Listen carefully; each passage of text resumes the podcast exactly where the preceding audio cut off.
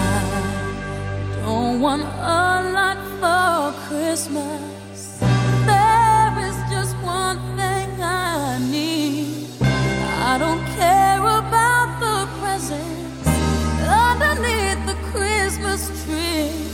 I just want you for my own, more than you could ever know make my wish come true.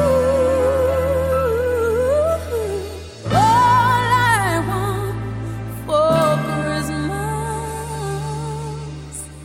is you. 大家好，这里是 Gago FM，我们是鸡头鸭讲。每次说完开场白就会有几秒钟的尴尬。今天，哎呀，又是一个特别不一样的一个节日。今天我我旁边坐的有几个人？一二三四五，加上我一共有六个人。为什么我们今天有那么多人？各位，因为我，哟，你是谁啊？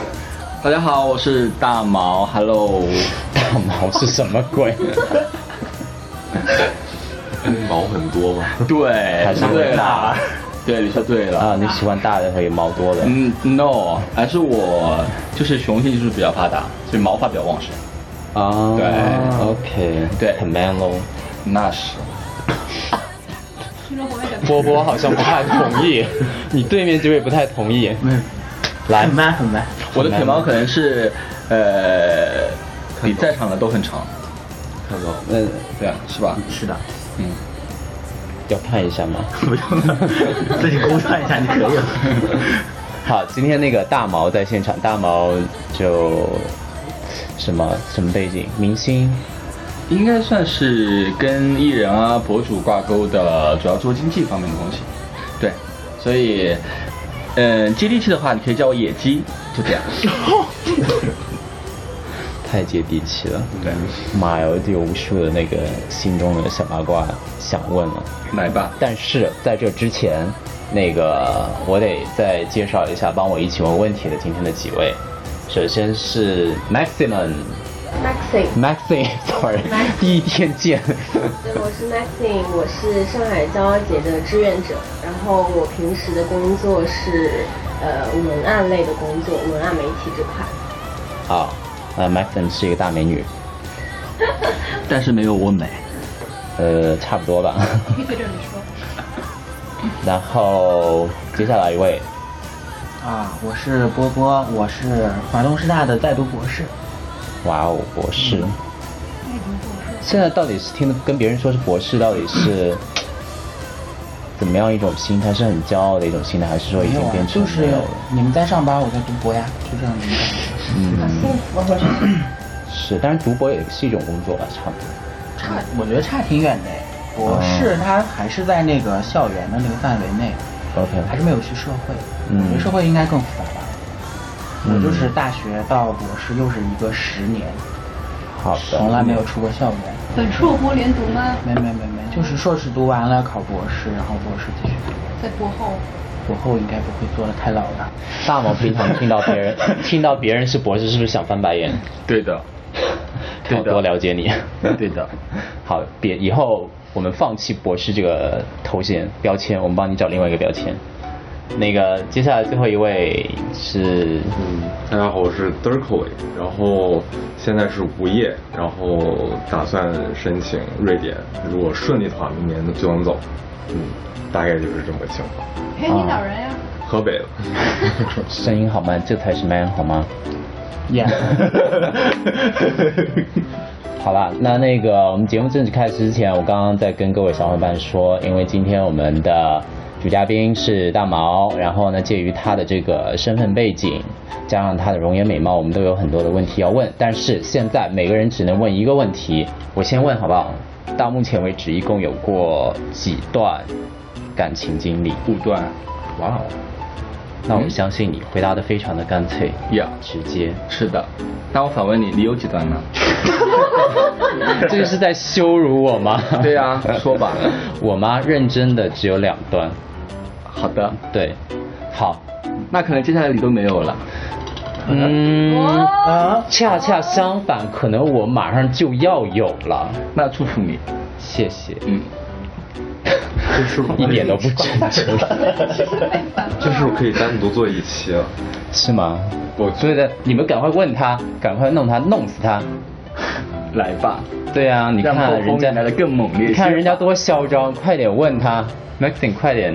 OK，那我来问，就是你是否跟直男出柜过？然后出柜后发生了什么事情？从来没有出轨过，没有喜欢过直男吗？没有喜欢过，为什么哎呦，直我男不信，没有喜欢直男的这个命，只有直男喜欢我的命。谢谢。哇！ 首先，直男如果喜欢你，可能也是个假直男， 你你搞不好是姐妹。那可能吧。其实我今天上午刚刚删了一个直男，然后就前段时间，然后性骚扰你吗因为朋友介绍认识了，然后他就加我微信，然后我们就出来吃了顿饭。然后吃饭的时候就可能就动手动脚的，并且， 并且我听我们共同的朋友说，他从来没有谈过 恋爱，啊他是个处男。他在等你。然后呢，就是那个人就是， 可能会每天会跟你早安晚安，出差的时候也会说你想我了吗？我想你了。们觉得这种是直男 吗？对啊直男有很很深的误解可吧？能我觉得他不是直男吧，不用可能，这是肯定。但是但是我的朋友说他不是直男，他竟然还跟我朋友吵架生气了。吵架这个行为就很不直男呀。我觉得直男应该哦不呃会嗯并且还截直图男还是，可以并且还吵架的截吧图给我看，说我们共同的朋友说他是 gay 不是直男，然后他还跟我吐槽说他很直啊，但是我觉得其实并没有。我就觉得一解释自己很直，应该就不是很直了。嗯那我反问你一个问题，你有被拉拉喜欢吗？ 有啊，因为我就是拉拉 呀。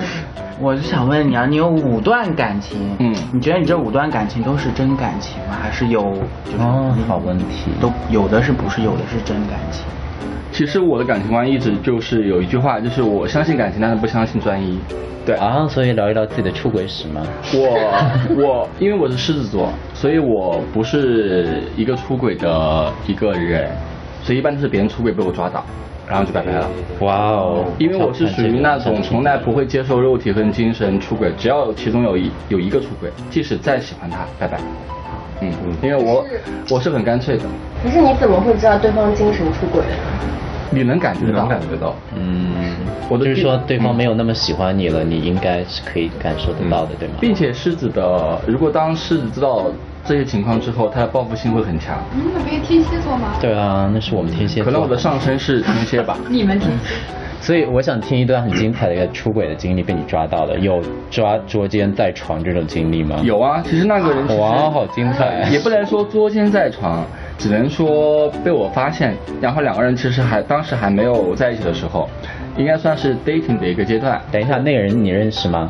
他 dating 的那个人，没有跟我 dating，就那个人什么意思， 就是那个人跟我在互相了解，嗯了解阶段，但是没有谈恋爱，嗯就是没有捅破那一层纸，猫纸嗯，对，，但是两个人相处的模式是类似于情侣的关系，但是两个人相处的时候，呃，我就发现他不管什么时候都会去上软件，啊，就是每时每秒每刻天哪，包括我跟他发信息，他可能不会回，啊，因为当时我是属于那种还是比较敏感的，嗯我可能就会下软件去看看，嗯然后他有没有在软件上。嗯基本上我每次跟他发信息，然后过了半小时他都不回，但是这半小时中他每一秒都在软件上面。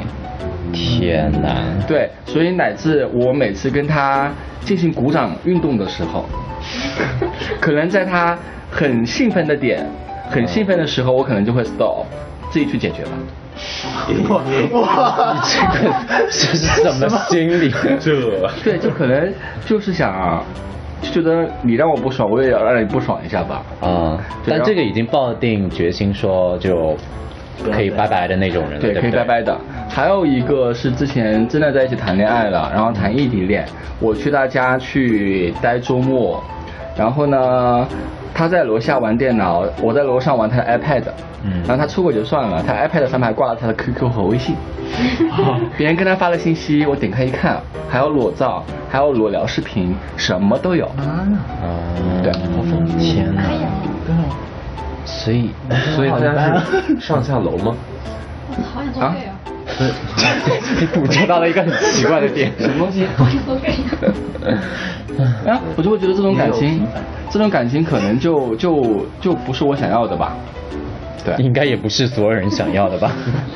对， 但所以是碰到两个渣男，五个男人里面有两个渣对男。，但是我有吸渣体质，啊、那是有没有可能反省一下自身的原因？可能是看着比较浪吗？没有，不是看着比较 浪。很多人说就是我看着可能就是太好骗了。哦，啊太好骗了对，innocent 天真。然后天真谈恋爱的时候少年可能就会就是釜底抽薪的去对对方好，就可能当时完全不会顾顾虑自己的感受，嗯就会一心一意就对他好。但是慢慢的，其实这几段感情也教会我，觉得不管你在什么情景中，你都要爱自己比爱他多。嗯对，就不，always 能迷 use 失 a condom 自己 everyone。嗯，对，好的，挺精彩的这个人。但是还是很期待。真的，我最近很想谈恋爱。玩什么类型的？呃这这个问题我多问，然后他待会儿再问个问 题。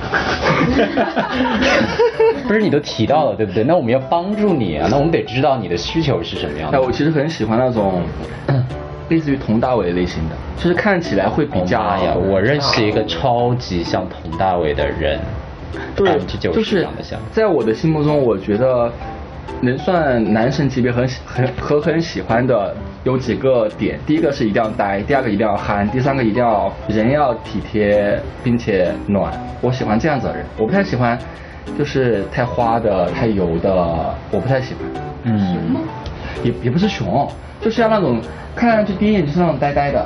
我喜欢傻不拉几的，哦，就可以被你控制的那种。没有，因为我我其实私下是一个比较有趣，也会比较有情趣的人，所以说我不希望找一个特别花的，这样子的话我会觉得，嗯，可能 hold 不住吧。跨不过他是吗？通过我平台找一个是吗？我明随白缘。但是太太憨厚的，会不会觉得他不够不解风情？对，有点无路聊呢。对，因为他很有趣，他说了，从来不会啊。就是他被你带着走嘛。对他可以把他们俩安排的对井井有条。对，嗯，行，那那个 Dorico，嗯我能问个普通的问题吗，就你交往过最久的一段恋情是多久？一年半，一年半。嗯，不会是刚刚其中那两个人中的一个吧？对 哎，哦，哦，是对是别墅的吗？啊，楼上下那个吗？对啊，对啊。嗯，有哭吗？分手的时候，分手时候没有哭呀，就当时发现出轨了，然后直接把 iPad 往他脸上一摔，我就走了，等一下，你真的有摔在他脸上吗？嗯真的，哇，哇，我就走了。 iPad Pro，然后啊他哭了 吗？他哭了吗？然后走完之后，然后我就我就回到我待的那个地方，因为当时异地嘛，嗯，然后就跟他发一条信息，然后直接删除。但是到现在，他每年在我过生日的时候，都会通过支付宝这个平台跟我发信息，说生日快乐。是不是发钱吗我？就想不通为什么会这样子。没有钱吗？嗯，那他肯定没没有存在感五百吧二吗？只能说。五块二也可以。但是我几乎每谈就是谈的对象，他他周边的朋友都会变成我的好朋友。啊，嗯懂懂懂，嗯什么意思？什么意思？大概有过类似的这种经历，就也是我和前任处了处的时候，他的朋友跟我和我关系都比较好，对，就慢慢慢慢是，不是今天到了没想吃找药个人没吃啊年底该过节了，对，快过节了，说到重点了，我们得拉回来。什么节？圣诞节，圣诞节。对，但孤单的恋人最怕过节，好惨哦。 妈呀，我一直一放个心，人你各种你过你节，可以随便找一个人。各种过啊过年对，你可以随便找一个吗？还是必须要很认真的？呃，都可以。如果按照我现在状态来讲的话，说实话，按按照我的朋友说，你现在其实适合找一个陪伴你的固炮。就是但是但是按照我的性格，其实可能尺度有点大了。没有没有嗯没有。但是按照我的性格，可能“泡”这个字在我的生生命中的话，可能并没有太多的重量。嗯，对，明白。所以心和爱你是希望同肯定同时希望有的。对，性和爱的话肯定是一起的，分不开的。 OK，嗯下一期我们可以讨论一下，开杠一下。幸好还可以分开，幸好还不可以分开，这个很值得开杠。下一题，所以我其实我很我很纳闷，其实我之前采访了我身边的朋友，我就越问他们的这种关于炮的经历，嗯就是对于一个你没有感情基础的人，你只是见过照片，然后就约见面，怎么啃得下去嘴？它就是一种生理冲动呀，为了解决目目问题。但是人的视觉第一眼是看脸啊，那他但他肯们定找肯了一定个也看是看的着互看差不多的那种对象。啊，就就理解不到。嗯他要是不看脸的话，就不用传这些。然后我，然后我身边有一个朋友，他说他从他每次约炮的时候，哎从来不会看别人的脸，别人来到他家，他不会看别人的脸，直接戴面罩吗？不戴面 罩。 哦那个玩法是吗？哦，昨天我跟我朋友聚会，他们 不是戴面罩，他们戴泳镜，啊，泳镜 party，哎嗯就是两个人鼓掌的时候戴泳镜，我觉得都哇，好奇妙呀。戴面眼罩我是会放大吗？还是怎样？放大？没有，可能这是 一种吃人吗？ 可能这是一可以种的情景化的一种需求吧，可能他们在他们的意识里面，这个是情趣。哎这个我倒是真的是第一次听说，我也哎是对，可能喜欢游泳运动员 吧。好，那我们再聊一聊这个过节就很开心。首先问一下大家，那个圣诞和新年要去哪里？有没有什么计划？一片沉默是什么都没有吗？大家都没有生活吗？搬砖。啊，搬砖没有，Maxine 呢？嗯跟，女我朋应友该今年应该会在家等我女朋友回来，因为她刚好考研哦二二二三，然后圣诞节就平安夜那天嗯会回来。啊对啊，这就说没有，但是又默默的打了一把好羡慕，真的是。我吃了。 大毛呢？呃，可能日本，可能泰国吧。啊我其实我还没有体验过一个人旅游呀，啊！啊，我经常一个人背着包去旅行。因为所以说我不知道一个人旅行的感受是什么，我其实很想体验一下。很好。对，一个人就会有，就像你刚刚说那个词“感受”，就能感受到很多感受。如果跟朋友就一直在吵吵闹闹、开开心心，呃，景点什么都不太重要。嗯但是一个人的话，你没法跟别人分享快乐呀。就是，呃，我看过一句话，就当你很想很快乐的时候，当你去一个地方的时候，其实你没有人可以说，可以分享。不嗯一定，我觉得其实到一定境界之后，你自己出去玩的话，自己就被被当地的环境或者被当地的东西吸引到，自己就会觉得很不是亢奋，很嗯很开心，就自己能感受到那种感觉，不用非得说去和别人分享什么的，就自己就能 我觉得跟融入他在心其情有关，他现在就是想找对象嘛，所以他看到美景就会想着啊，谁跟我 share 一下，他的那个主意识就是想找。但是我反而认为他现在的状态更应该一个人出去感受一下自己的感受，到底自己想要什么样的人，什么样的人生，包括他刚刚不是又失业了嘛，对对不对？其实是一个很好的，对真的挺好 人生新的开始嘛，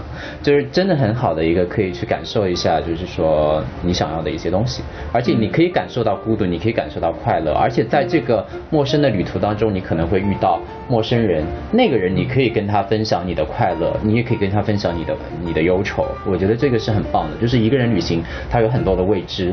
但如果是跟一群人，我都能想象想象得出来那个情景，所以你可以去体验一下。我个人觉得一个人旅行是很棒的一件事情。好的，说不嗯 定会有艳遇。呃，不奢求。对，日本人都觉得他是日本人，应该就没兴实趣。去日本吧，，不要去泰国，为什么？嗯，感觉乱乱的。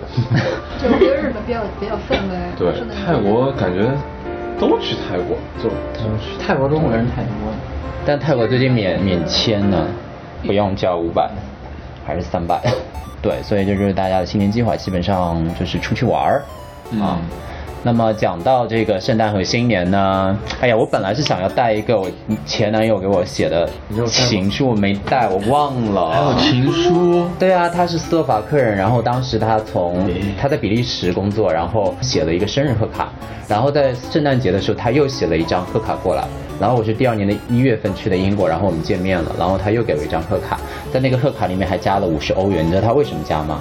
因为我跟他说我说中国人不是过年逢年过节的时候会给红包嘛，然后他就觉得这个东西就是就他记下来了嘛，然后在那个卡里面放了五十欧元，然后至今在我钱包里面，我就觉得好还有蛮心啊，好羡慕、哦。对啊，但是也已经过眼云烟了。我本来想拿过来读一下的，就是体会一下，当时就觉得我其实也不过圣诞什么的，但是就觉得特别的开心。那你还喜欢他吗？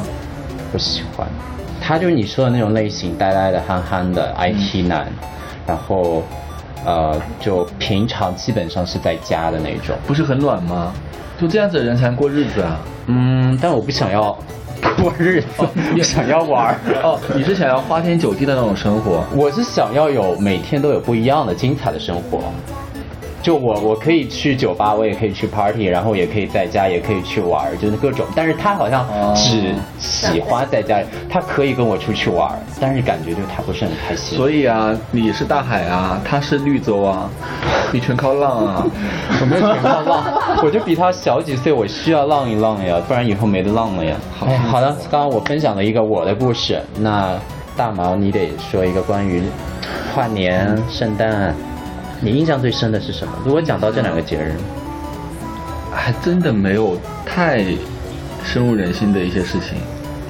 没有在哪里跟某个人一起跨年吗？比如说有没有你们中间有没有任何人在零点的时候？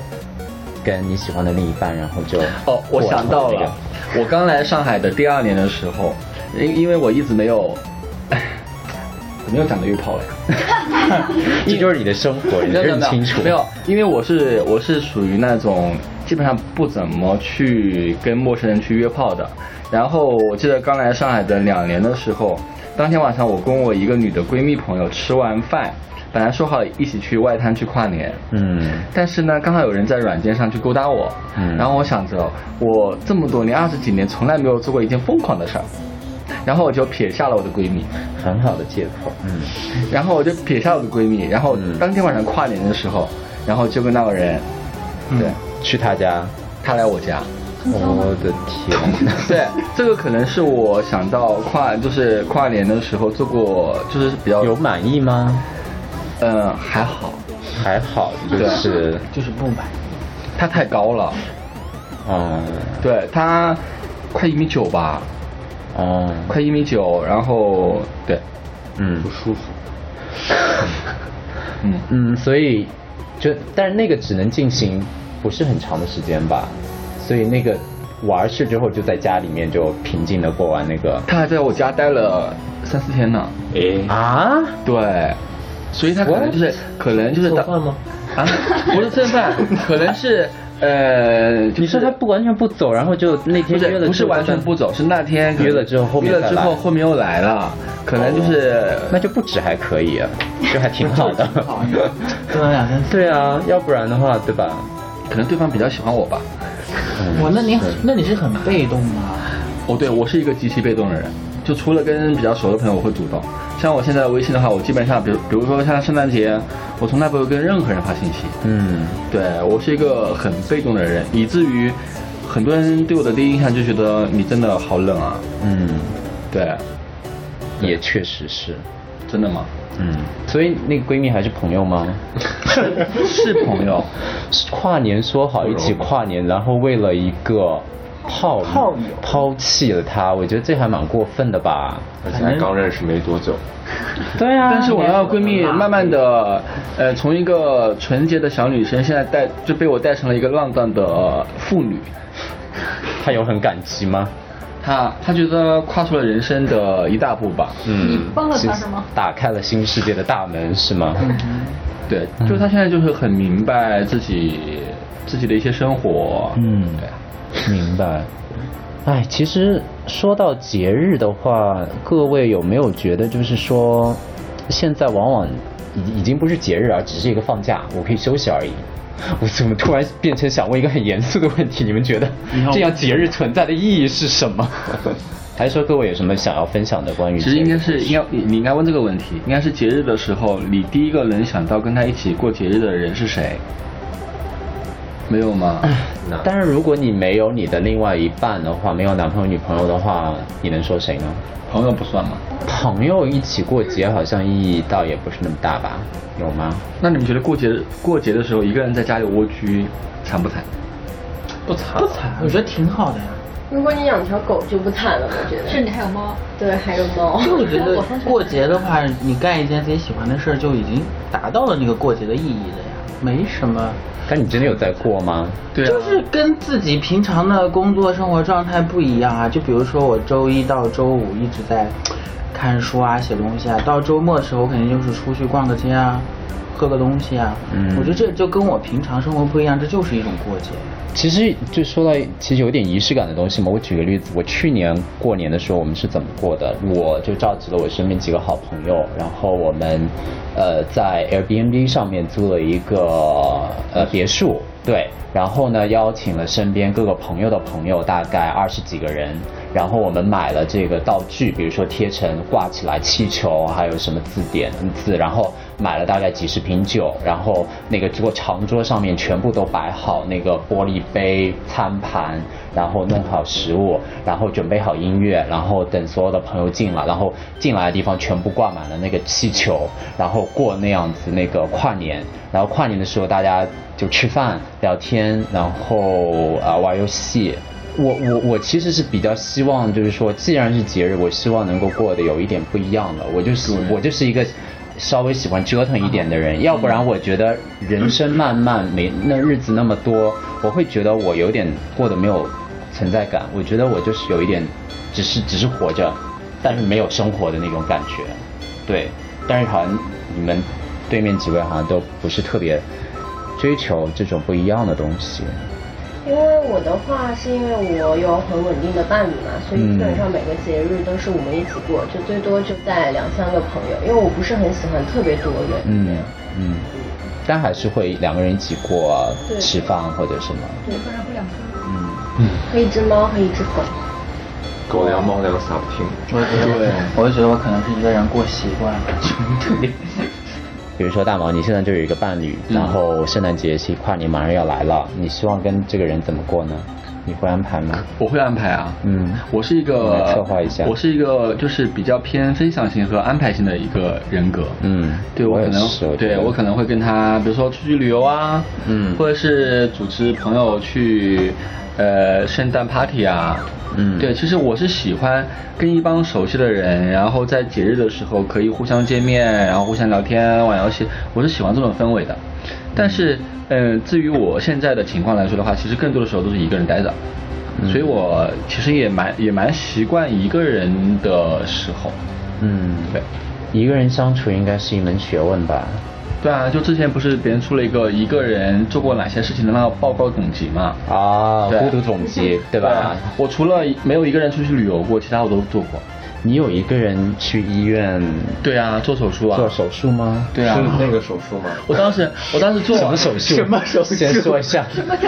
那我个都不方便，不方便带人去的那种，对不对？也什么也不是不方便。是我当什时么做完手术之后，然后我记得我很印象很深刻，是十八岁的时候做完了出来之后，我可能有点有点有有有点贫血，嗯然后就晕过去了。这是我啊第一次一个人做手术，我觉得好孤立无援啊。嗯就身边没有人，因为我是属于从小到大我不太喜欢麻烦身边的任何人的。所以你当时也是抱着这种我不想麻烦任何人，包括我妈妈，我也不想跟她说，对不想让她担心，所以我自己一对个人去了。我都是做完手术之后，过了一个多月之后，我才跟做我过家多少手术啊 你？那做手术是需要有恢复期的嘛？嗯我是恢复了之后才跟我家里人讲，我已经做完手术了。然后他们说啊，你做手术了。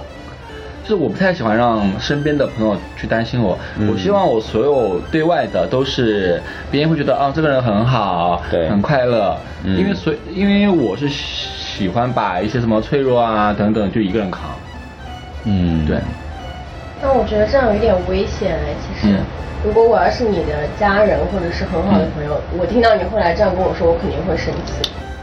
对。嗯但是我跟她是一样的，我不想麻烦任何人。对其实我们本意不是想，就是不想麻烦你，就觉得这个事情我可以自己扛下来。对，并不是说不帮你当成最亲的人和最亲密的朋友，而是不想麻烦你。对，但是他们就，其实我也懂他的点。嗯作为他最好的朋友，其实他会特别的担心你，对不对？嗯万一你真的有什么事儿呢？你这样特别不负责任，而且你的爸妈，对吧？你最好的朋友，嗯其实这样这个做法稍微有一点点不成熟，我觉得，因为我们还是太任性了，有一点。因为这个事情是，呃，因为我之前朋友也正好去住院了嘛，然后得到一个信息就是说，呃，当你进行大的手术的时候，自己没有签字的这个权利，你必须就要通过家属签字了，你才能去动这个手术，嗯因为手既然手术就有很风险，嗯万一你在这个手术当中发生了什么样的一个事情，你旁边没有人的话，嗯是非常非常危险的那一个大事情手。术啊，对，但那你是是什么手术？我以后小手术， 这是个秘 密。哦，那我们已经知道是什么手术了。 但你说到签字的时候，我我我就是想起一个问题，就是每次不管你去应聘啊，还是去干嘛的时候，不是有一栏需要你填紧急联系人嘛？嗯其实，呃，我不知道大家是不是这样子的。我觉得每次我紧急联联系栏填的那两个人或者三个人，可能是我生命中最重要的。你们也是这样子吗？你填这么多的， 没有，就会填两个呀，一个呀。没有填过，那肯定啊，要不然那你填填谁？不是我，我是瞎填的，我从来我我就填一个我嗯普通。通，我填一个我常联系的朋友，但那个朋友也不是我最好的朋友啊，。这样子。。对，因为我有很多事情我不想让家里人知道，然后还有隐私问题，不是很好奇会会知道。嗯，包括我现在很夸张的一点，说出来你们的可能会不信。我在我不是之前去欧洲吗？我现在回到国内已经差不多快两年的时间了，我家里人不知道我在国内。啊哒哒。 反正我爸妈也不会听这档节目，所以， 对，就是我是一个极度的呃有问题的小孩儿吧。反正就是因为因为因为种种的原因，就是说他们至今为止是不知道我在国内的，所以我在任何的联系方式里面，我都不会去写，比如说我爸或者是我妈的呃那种联系方式，我只会填一个。呃，知道我在这边，然后跟我只是偶尔保持联系的这样一个朋友，是不是很神 奇？我觉得好大胆哦。呃，算吧，对，这个是我目就这个阶段处理这个关系的一个一个方式。对，来说到这个，你们讲一个你们自己觉得自己人生算是很大胆，或者是特立独行，或者是有一点秘密的这样一个事情有吗？可以分享吗？别人可能就像我这样的，波波没有，我觉得我生活跟你们相比就特别的按部就班，不会啊，真我觉得的你能选择读博士已经就是我，我跟我父母就跟你完全相反，我就是什么都跟他们说，嗯完全就是那很好纯交流。就是我有一次生病了，就在上海烧得很严重，然后我基本我就是当天坐了飞机我就回青海，我就是到家里以后完全就没有意识，啊。就是就是我就看见我的父母就那非常你们俩不就安全极端了，他生病了，他马上飞回家，你是情愿一个人去就医院？那边的医疗水平都不如上海嘛，但是我就是想回到我的家里面，哦就是在机场看到我父母那一刻，我就是如踏释实重了负，就很踏实，哦然后就基本没有意识到，醒来的时候我已经在医院了，啊，就是这样子的。其实很羡慕你，对你上飞机其实吗？很羡慕其实很羡慕。对呀 我上面，主要是我妈，她我觉得她如果她活在我们这一代，她应该是跟我差不多的人。我妈到现在也是，就是非常喜欢自己玩儿，嗯就是做的那些活动也非常大胆，什么旅跟驴友出去徒步旅行啊，哦，你妈妈现在还会这样子？，对她比我觉得她的生活比因为我 我们应该采访你 妈。他的生活比我的生活要丰富太多了，就是、嗯就是像他们这个年纪，就现在面临那个退休嘛，对，他就是非常就是一到年龄第二天立马退休，因为他有很多自己的规划要去完啊成。，那很棒，有自己的他就生是这样活子。，所以他也不是很 care 我，就不会，不是那很棒的不很关注我，状态就是家里面也是催婚什么，都是我妈帮我挡掉的。嗯我觉得我妈是哦不可能天知哪道又是我一个很棒的妈妈哎哇 就我妈基本就全是全她挡，根本就没有到我这里天哪来相亲。嗯，其实有时候还挺羡慕的。对啊，我超级羡慕。就很羡慕，就是因为我从小就是跟我妈是什么都说，嗯我就记得我高中的时候跟一个男生吵架，我都会跟我妈大哭特哭一晚上说这个事情，然后说到我爸在里面是喜欢这个男的 吗？不是，就是跟他吵架啊我也不知道我们现在然后是吵不过。就吵不过，然后回家就跟我妈聊这个问题。这真的可以。我觉得还是根据家庭结构和在这个生长的环境是很有关系的。其实我情愿我没有这种就跟一般人不一样的故事，我希望有你这种就是很平实，但是又很温暖的这种。其实我们是羡慕的，对很羡慕其实我们我是羡觉慕的得我听你们的事情，我就是我觉得我我们特这别种按部就班，就是我上学也是一步一步上出来，然后到了硕士，其实我读本本科都是父母给我选的路，就是读什么专业、去哪个学校、考多少分，都是我父母做的规划。然后到硕士阶段，嗯我才是自己想考什么专业，然后博你要不要读，这都是我自己那你有没有一件人生特别想去做的事情呢？特别想做的事情。。对，已经没有那个意识了，已还是经没说有那个意识了。我觉得就是通过这样一次一个系列培养出来，自己完全没有那种意识，就觉得我自己生活应该是还挺好的。它是属于那种缺氧型的，我们是放养型的。对对对，对你你你自己目前觉得这样开心，我那就很好。对，对就像你们说的那个，我就觉得现在一个人过挺好的呀。就是我选个电影，我也不用跟他吵，我对要对看对哪个那， 我自那己当然选了了我就去看了呀。对吃饭也是就点了就吃了呀。对我我觉得是挺好的，但是我想说的点就是不要排斥嗯另外一种可能性。我觉得我对可能是通过这样的模式以后是有点排斥，因为我上了硕士以后，基本没交过什么好朋友。就我现在玩的最好的一堆都是我高中的那几个同学。嗯，没事儿，我们以后就是你的好朋友。对，感谢波波的分享，我觉得很棒的故事。哎，那么聊到这儿呢，我觉得我啊必须得出来说两句话了，因为我意识到一个特别严峻的问题，不知道我们亲爱的听众朋友们有没有听出来？我们今天不是在聊双旦嘛，这个元旦啊、圣诞啊都发生过什么有趣的事儿？结果，哎，回头一想，没聊太多。那么问题在哪儿呢？问题呢就出在我们今天的大来宾大毛身上，谁让这个小妖精身上有那么多情史，背着那么多情债，所以大家聊的就不亦乐乎，聊的就忘乎所以了，你知道吗？所以聊着聊着呢，发现哎，我们超额完成任务了，况且我们还想聊更多，哈哈，那怎么办呢？所以呢，本主持呢就灵机一动，觉得哎，我们今天可以做两期节目。那么到目前为止，我觉得听众朋友们应该有足够多的东西可以去消化，所以呢，我在这里做个小预告。我们下一期节目呢，大概会在元旦的时候放出来。至于什么内容呢？那肯定比这个内容更加劲爆、更加多元、更加包容、更加深刻。至于到底是不是这样，要大家听了才知道。好的，无论如何，我们今天这期的节目就录到这里啦，感谢大家的收听，我们下期节目再见，拜拜。我住的城市从不下雪，记忆却堆满冷的感觉。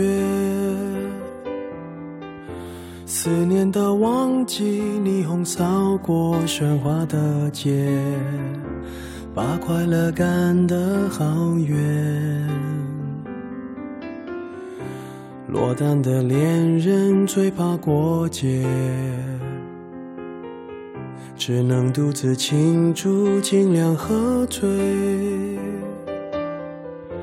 我爱过的人，没有一个留在身边，寂寞它陪我过夜。Merry Merry Christmas, Lonely Lonely Christmas，想祝福不知该给谁，爱被我们打了死结。Lonely Lonely Christmas，Merry Merry Christmas，写了卡片能寄给谁？心碎的像街上的纸屑。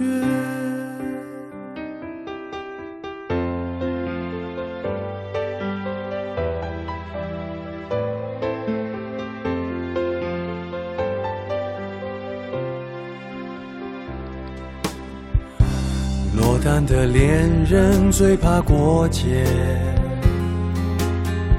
只能独自庆祝，尽量喝醉。我爱过的人没有一个留在身边，寂寞它陪我过夜。Merry Merry Merry Christmas。Lonely Lonely Christmas，想祝福不知该给谁，爱被我们打了死结。Lonely Lonely Christmas，Merry Merry Christmas，写了卡片能寄给谁？心碎的像街上的纸屑。电话不接，不要被人发现我整夜都关在房间，狂欢的笑声听来像哀悼的音乐。眼眶的泪温热冻结，望着电视里的无聊节目，瘫在沙发上变成没知觉的植物。Merry Merry Christmas, Lonely Lonely Christmas，想祝福不知该给谁，爱被我们打了死结。Lonely Lonely Christmas, Merry Merry Christmas，写了卡片能寄给谁？心碎的像街上的纸屑。Merry Merry Christmas, Lonely Lonely Christmas，想祝福不知该给谁，爱被我们打了死结。Lonely Lonely Christmas, Merry Merry Christmas，写了卡片能寄给谁？心碎的像街上的纸屑。谁来陪我过这圣诞节？Merry